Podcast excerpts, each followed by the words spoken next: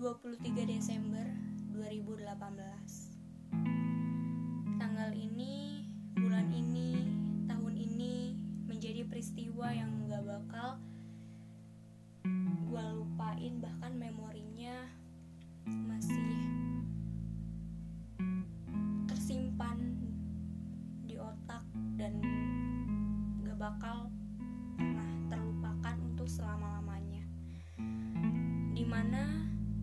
pada tahun ini gue dan keluarga besar ditimpa musibah yaitu tsunami. Di sini gue mau ngejelasin secara detail gimana perjalanan dulu, susahnya, pengorbanannya.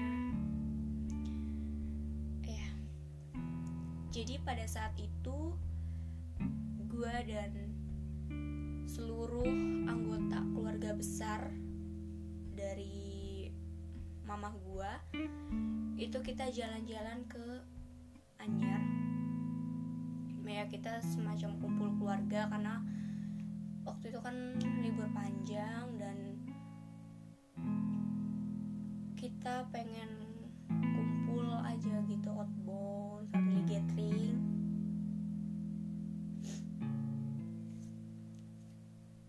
Pada tanggal 22 Desember. Itu keberangkatan kita dari rumah masing-masing. Saat itu ada tujuh mobil. Dan pada jam 10 pagi lima mobil itu udah datang dan berangkat duluan. Dua mobil itu di antaranya mobil gua dan mobil bude gua satu lagi. Karena waktu itu gua nunggu ayah pulang kerja jadi agak telat datangnya. Dan keluarga gua yang lain tujuh kepala keluarga itu udah on the way ke lokasi pada jam 10 pagi. Kalau gua waktu itu berangkat jam 12 siang. Waktu itu gue juga sempat makan dulu setelah makan langsung on the way ke lokasi juga. Gue menempuh perjalanan sekitar 2 sampai 3 kalau nggak salah. Pokoknya jam 4 itu udah sampai lokasi. Seperti biasa gue salim gue naruh barang-barang abis itu gue dan semua keluarga besar itu main-main di pantai. Waktu itu keadaannya emang masih aman masih nyaman. Pokoknya ya kayak keadaan biasalah normal. Dan waktu itu gue dan keluarga juga sempat naik banana boat. Waktu itu pokoknya waktu itu keadaannya masih damai. Masih damai-damai aja belum ada apa-apa gitu. Dan kita berakhir main di pantai itu jam 6 sebelum maghrib karena waktu itu kita nunggu sunset dulu biasalah foto-foto gitu. Habis itu udah biasa kita mandi kita bersih-bersih. Nah udah setelah itu biasalah kita kumpul kita makan-makan. Dan bude gua nih dia datangnya memang telat. Dari Tangerang itu jam 3 sore kalau nggak salah. Jadi dia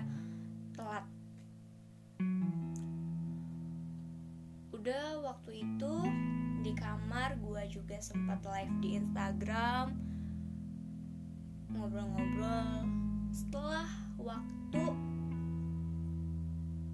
bergulir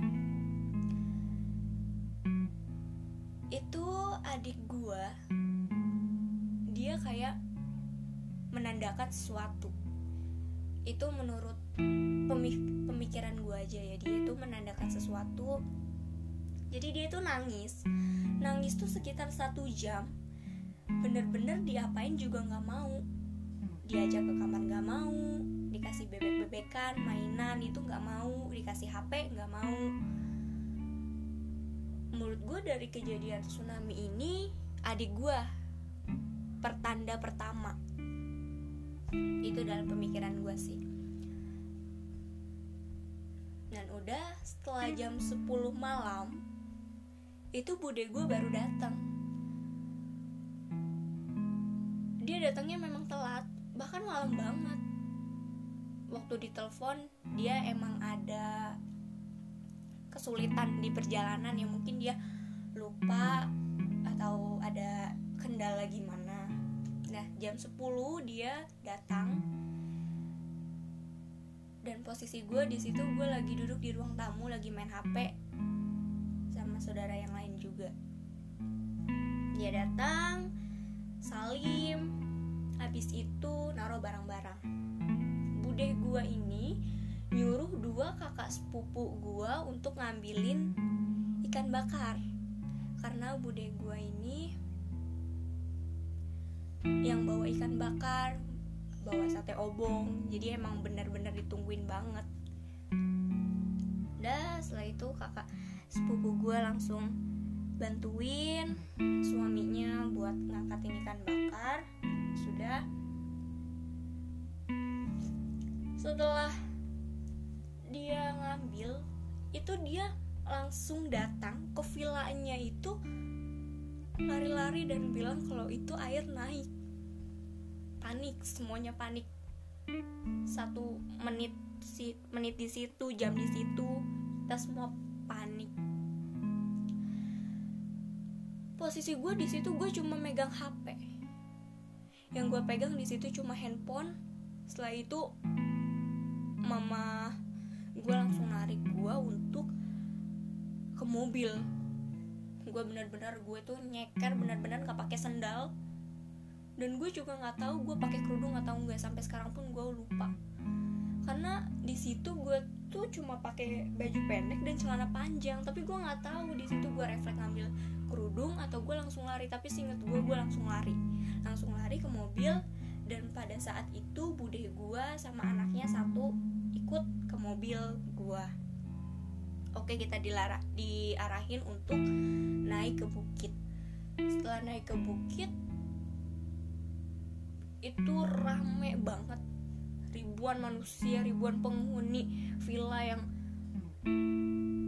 lagi liburan di situ atau bahkan warga di situ tuh berhamburan di mana-mana. Dia naik ke atas bukit dan yang buat gua makin sedih itu ada satu ibu-ibu yang dia jalan sama salah satu anaknya. Itu dia. Jalan kaki naik ke atas bukit nggak tahu dia liburan atau memang warga di situ dia benar-benar sama anaknya dia nggak sama siapa-siapa. Karena dia pas banget kan jalan di samping mobil. Udah akhirnya kita menetap di situ tuh selama berapa menit atau berapa atau berapa jam ya gue nggak inget tapi kita dikabarin lagi kalau jam 12 sama jam 1 itu puncaknya. Puncak gelombangnya tuh katanya lebih tinggi sampai 13 meter. Waktu itu jadi langsung gua dan semua anggota keluarga tuh langsung naik kita naikin lagi. Yang standby di villa itu dua mobil. Yaitu pade gua nih suami bude yang ikut bareng di mobil gua. Sama satu lagi bude gue yang baru datang. Yang baru datang jam 10 dia standby di sana dia nggak ikut ke atas. Nah pas gue di atas itu sampai jam 12 sampai jam 1 malam kalau nggak salah. Di situ gue pikirin cuma gue nggak akan selamat. Di situ pikirin cuma semua anggota keluarga besar gue tuh nggak ada yang selamat. Karena gue percaya nggak percaya kalau gue itu diarahin ke atas bukit.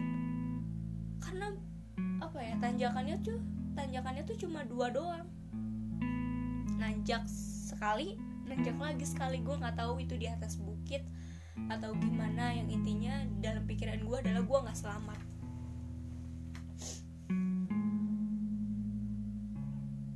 Di situ gue mencoba untuk tidur. Karena menurut gue salah satu penenang gue di situ adalah gue tidur. Mungkin berapa menit ke depan tuh gak bisa gue nggak bisa tidur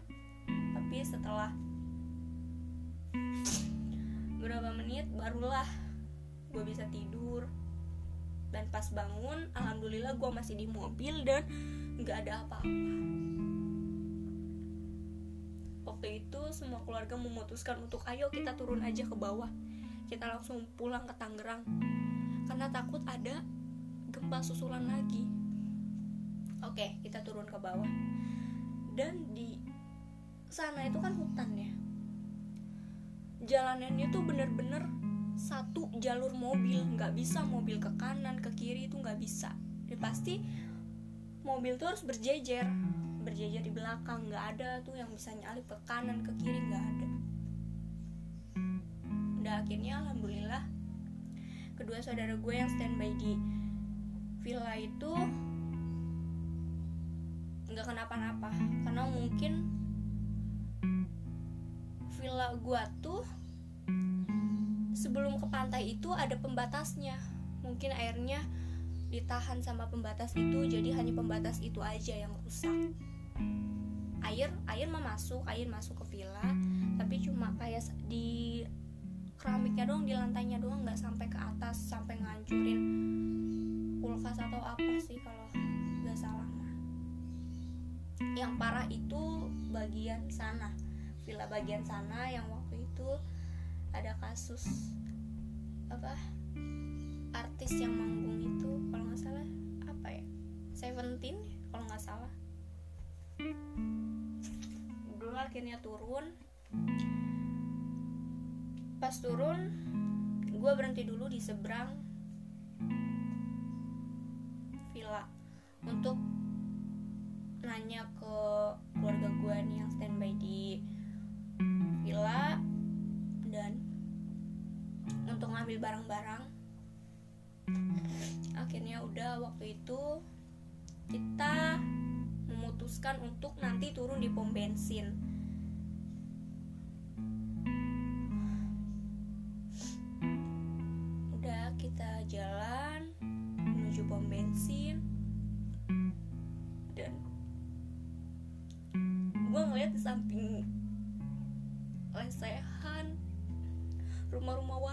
semuanya udah pada ambruk udah hancur. Ambulan ulang-ulang lewat. Bawa korban jiwa. Dan satu yang gue ingat adalah alhamdulillah gue selamat. Gue nggak gue nggak habis pikir kalau misalkan gue dan seluruh anggota keluarga besar gue tuh nggak selamat saudara gue yang tersisa hanya satu kepala keluarga. Dia anak dari kakaknya mama gue. Waktu itu dia nggak ikut. Dia tinggal di kampung. Dia mau ke sini mungkin karena dia punya bayi karena dia juga habis lahiran. Mungkin ribet atau gimana jadi dia nggak ikut. Mungkin yang tersisa itu cuma dia doang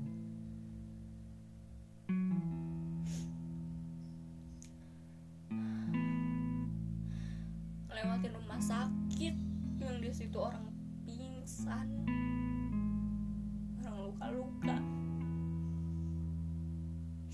Dan alhamdulillah menurut gue yang gue pikir itu bukit itu menyelamatkan gue dan seluruh anggota keluarga besar gue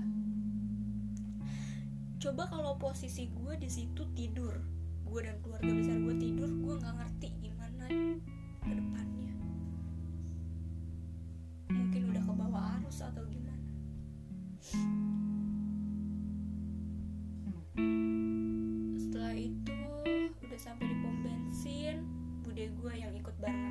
juga udah pindah ke mobilnya. Gue di pom bensin waktu itu sempat turun untuk ngambil charger sama sendal karena gue nyeker di situ. Dan udah akhirnya kita ngebut bener-bener ngebut sampai Tangerang.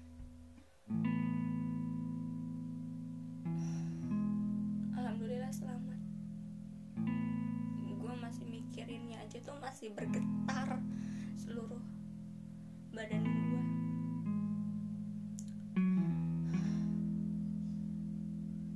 gimana gak gemetar ya?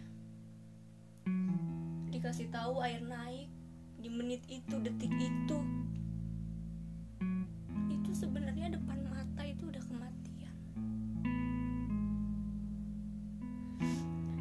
Tapi waktu itu sempat ya saudara gue itu nyari pop mie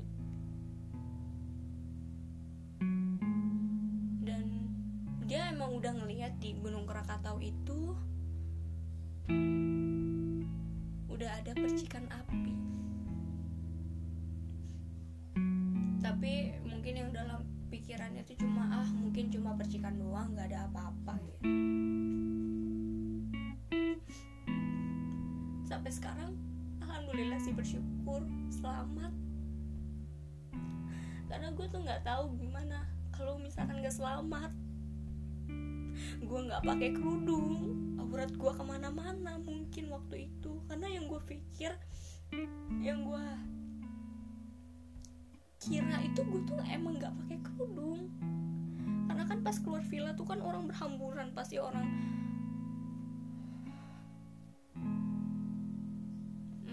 pasti ngeliat cowok yang lebih dari gue bapak-bapak tuh pasti lihat aurat gue gue nggak tahu. Yang buat gue alhamdulillah adalah gue selamat. Peristiwa ini emang bukan peristiwa yang main-main. Alhamdulillah berarti Allah masih kasih gue hidup masih kasih gue nafas oksigen sampai sekarang. Dan gue bersyukur untuk itu semua.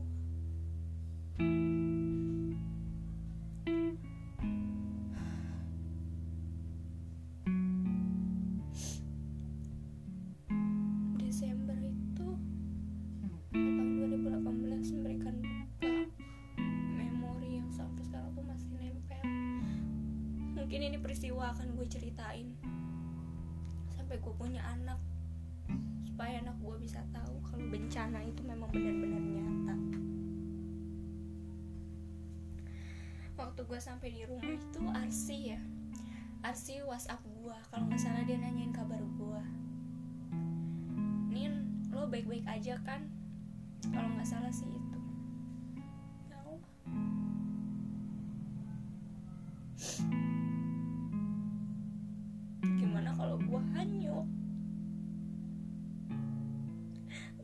nggak tahu sekarang gue masih bisa nafas atau enggak?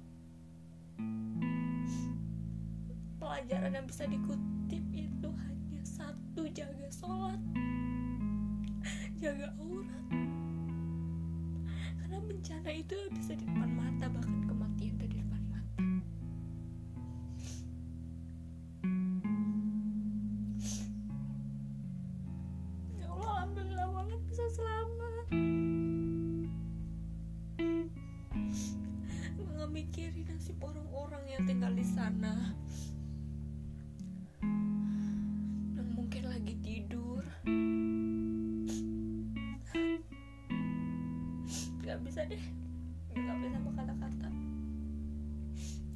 karena memang setiap malam lautan dan gunung itu minta izin sama Allah untuk merus manusia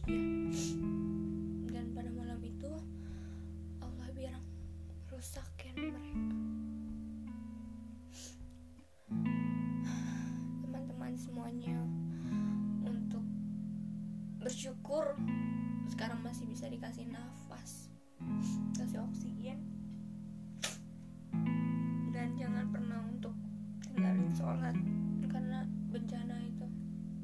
Bisa kapan aja datang. Kematian itu bisa di, udah di depan mata.